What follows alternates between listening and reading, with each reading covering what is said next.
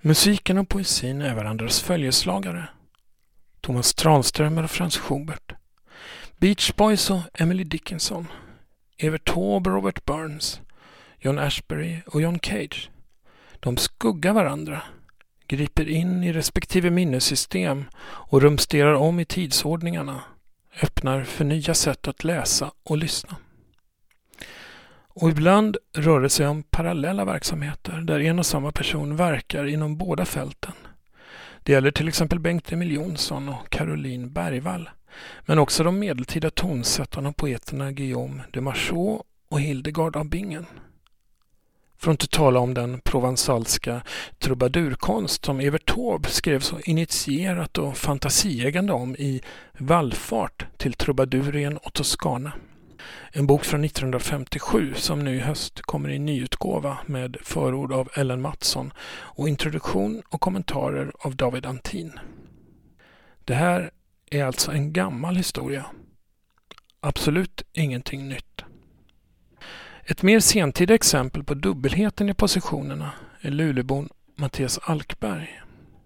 I en sorts stökig och pådrivande punkmening ansluter han till traditionen från de provansalska balladpoeterna.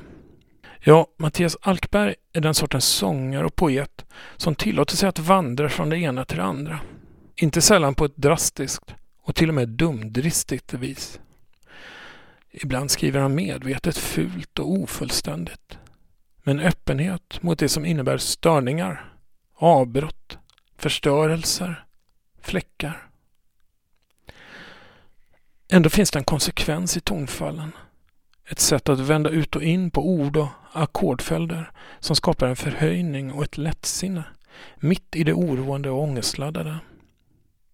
Och sen finns alla de där melodierna som fortsätter i huvudet.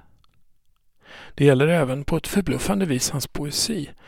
Den har melodiska element som bär texterna vidare, förbi det skrivna, över i något större. 1992, samma år som hans grupp The Bear Quartet gav ut sitt första album Penny Century, debuterade Mattias Alkberg som poet med diktsamlingen Separerade ägg. Sen har skivorna och böckerna kommit i en stridström och i en närmast osannolik produktionstakt. 15 album med The Bear Quartet. 11 fullängdsskivor under eget namn. Tre album med gruppen Södra Sverige. I slutet av sommaren publicerade han sin åttonde diktsamling Med rätt att dö. Bara några månader tidigare kom skivan Bodensia där Mattias Alkberg samarbetar med musikern och producenten Jonas Teglund. Tillika en av personerna bakom bok-, skiv och produktionsbolaget Teg Publishing där Alkberg numera ger ut både sina skivor och böcker. Musiken och poesin talar med varandra, skapar underjordiska förbindelser, Rita kartor över verkligheten, inklusive det ena eller andra kvarteret i Luleå för att sedan riva sönder läsar och lyssnarkontrakten. Det finns en kraft i det oberäkneliga, i sättet att byta fot och låta otåligheten påverka ordvalen, ljudbilderna, kollisionerna mellan fiktion och vardag. Eller som Mattias Alkberg formulerade i inledningen av Med rätt att det. Jag ska nog kunna bringa oordning i den här boken med. Men rätt att dö består av 123 dikter. Några är mycket korta, som den inledande Krossa kapitalismen som bara består av två ord. Eller dö. Andra har en betydligt mer mångordig karaktär och närmar sig prosadikten, bland annat genom en för både läsakten och det konstnärliga uttrycket betydelsefull användning av rak högermarginal. Det har en, åtminstone på ytan, avväpnande effekt. Orden blir konstlösa, direkta, verklighetsnära. Det finns intressanta överlappningar mellan Bodensia och Med rätt att dö. Det mest uppenbara exemplet är texten Rationell sorg som finns inläst på skivan med en sorts läsmelodi som får orden att flyga ihop med de avskalat drömska ljuden. I diktsamlingen föregås den av Tack för allt, varsågod. Och båda dessa är just tryckta med rak högermarginal. Det är ingenting man hör. Man ser det bara framför sig när dikten läggs fram som dikt. Men likväl är det något avgörande som sker i själva rytmiseringen av ordflödet. Tempot ökar. Orden lägger sig tätt intill varandra. Resultatet blir en sorts resonemangspoesi som tar udden av det poetiska. Det hela kommenteras i texten Dikten som blev en dikt. Förr trodde jag inte att jag kunde ljuga för mig själv. Men även om det är helt andra lögner än de jag föreställde mig så vet jag att det inte är sant. Och därför var det inte sant heller. Jag ljög om det med. Och jag kan inte berätta att jag ljög heller. Inte för dig. Eller för mig.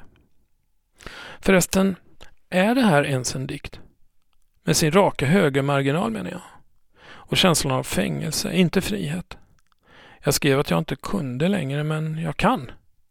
Jag vill kunna och därför kan jag. Kämpa poeten.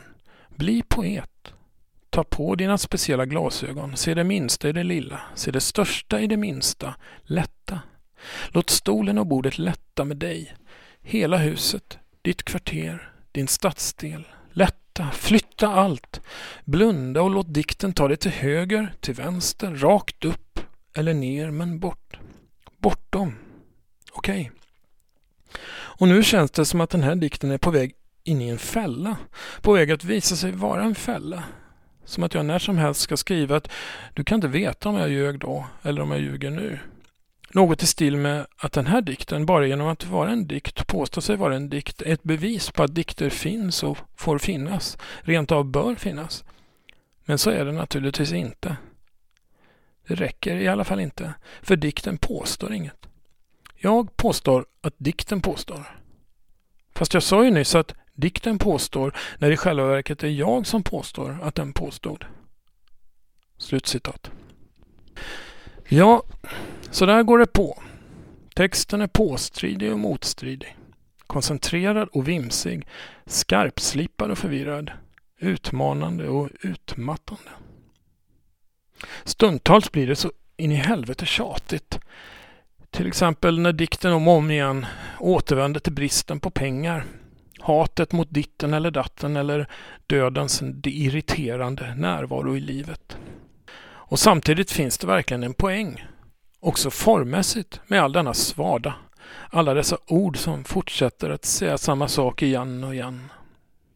Upprepningen blir sin egen hypnotiska energi och fraserna berättar hur de befinner sig mitt i en vardag som är fallfärdig på bristningsgränsen, full av trötthet och självirritation.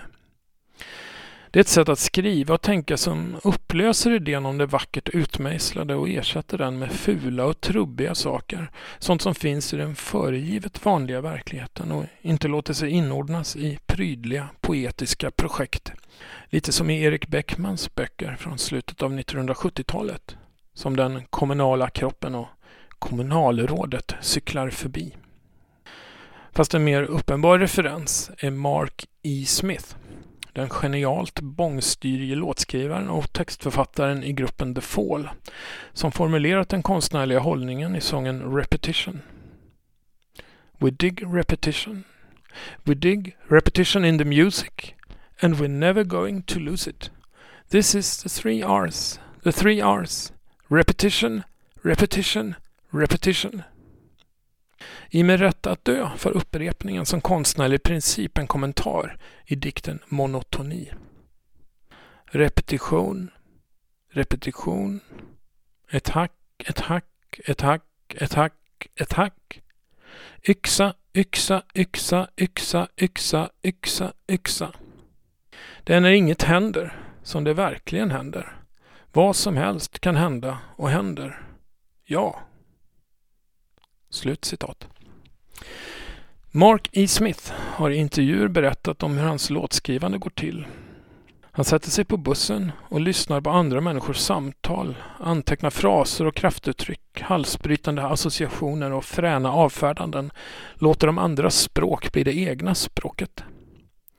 Mattias Alkberg gör något liknande och skriver om detta i texten Turism. Jag är bland människorna och deras färger och lukter. Så här smakar en apelsin. Så här smakar vatten, så här minns och sörjer man. Jag kan knäppa en skjorta, knyta en slips och skor, lyssna på samtal, stå bredvid och se ut. Ett barns hand i en förälders. Ett ledigt säte på bussen. Betala med app, betala med kort. En kö som rör sig snabbare än en annan. En lucka vid bardisken. Beställa en öl. Beställa en öl. Beställa en öl. Nicka i takt till samtal och lös rock tills lamporna tänds. Där går någon mitt i gatan och röker. Det är sent, så det är okej. Okay. En ledig taxi passerar. Hamburgerskräp virvlar iväg bakom den. Långt borta ett blåljus. Längre bort en siren. Senare kommer jag att minnas dem som könlösa. Jag tänkte aldrig på dem som enheter. Som sexuella varelser. Fullt upptagen med deras mänsklighet. Deras blotta existens i min värld. Min plats i deras. Slutcitat. Något sägs.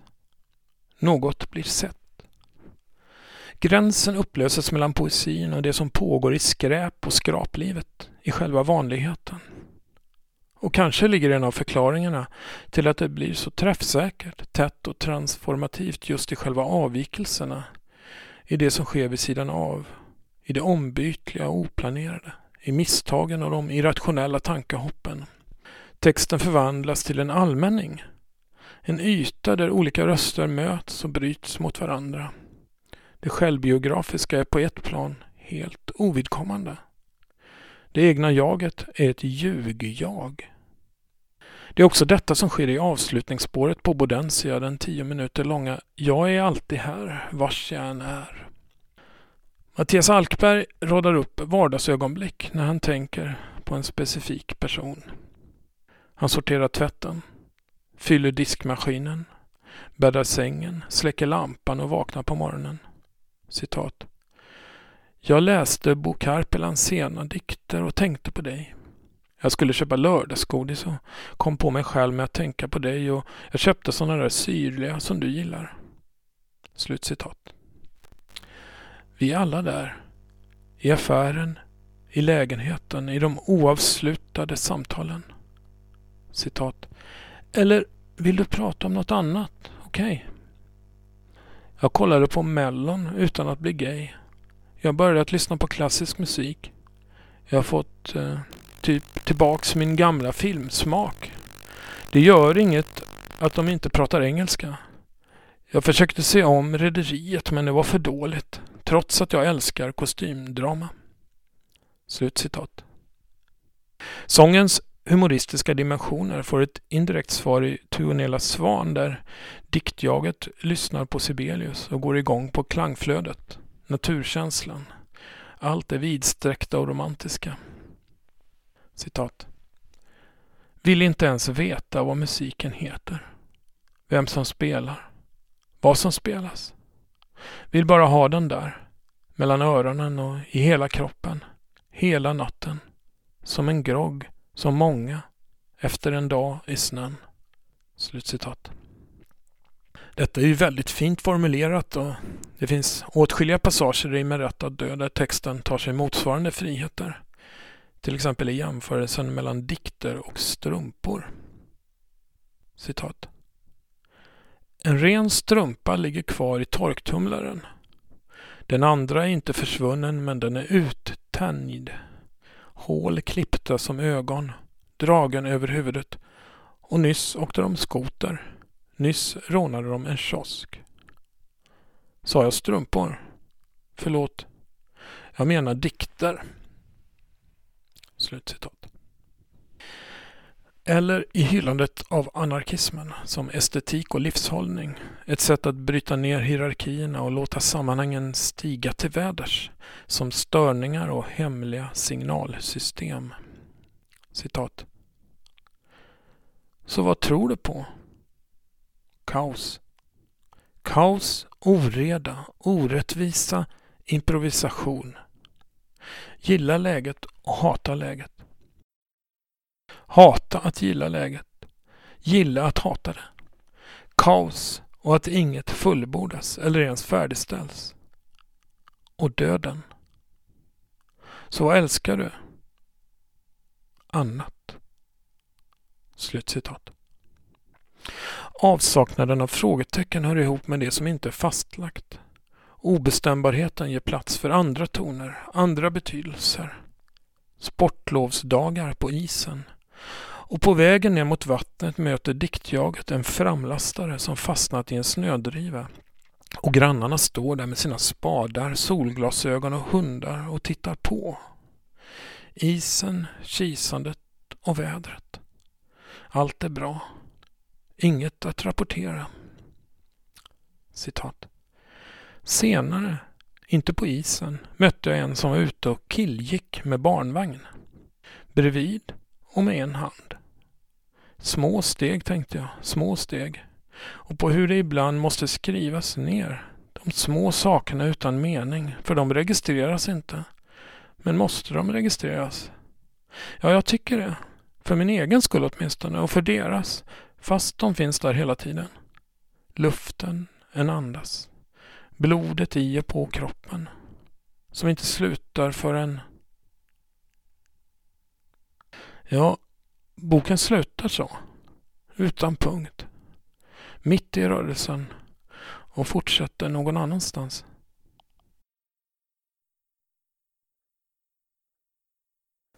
Den här recensionen är originalpublicerad på www.ornenochkrakan.se under ansvarigt utgivarskap.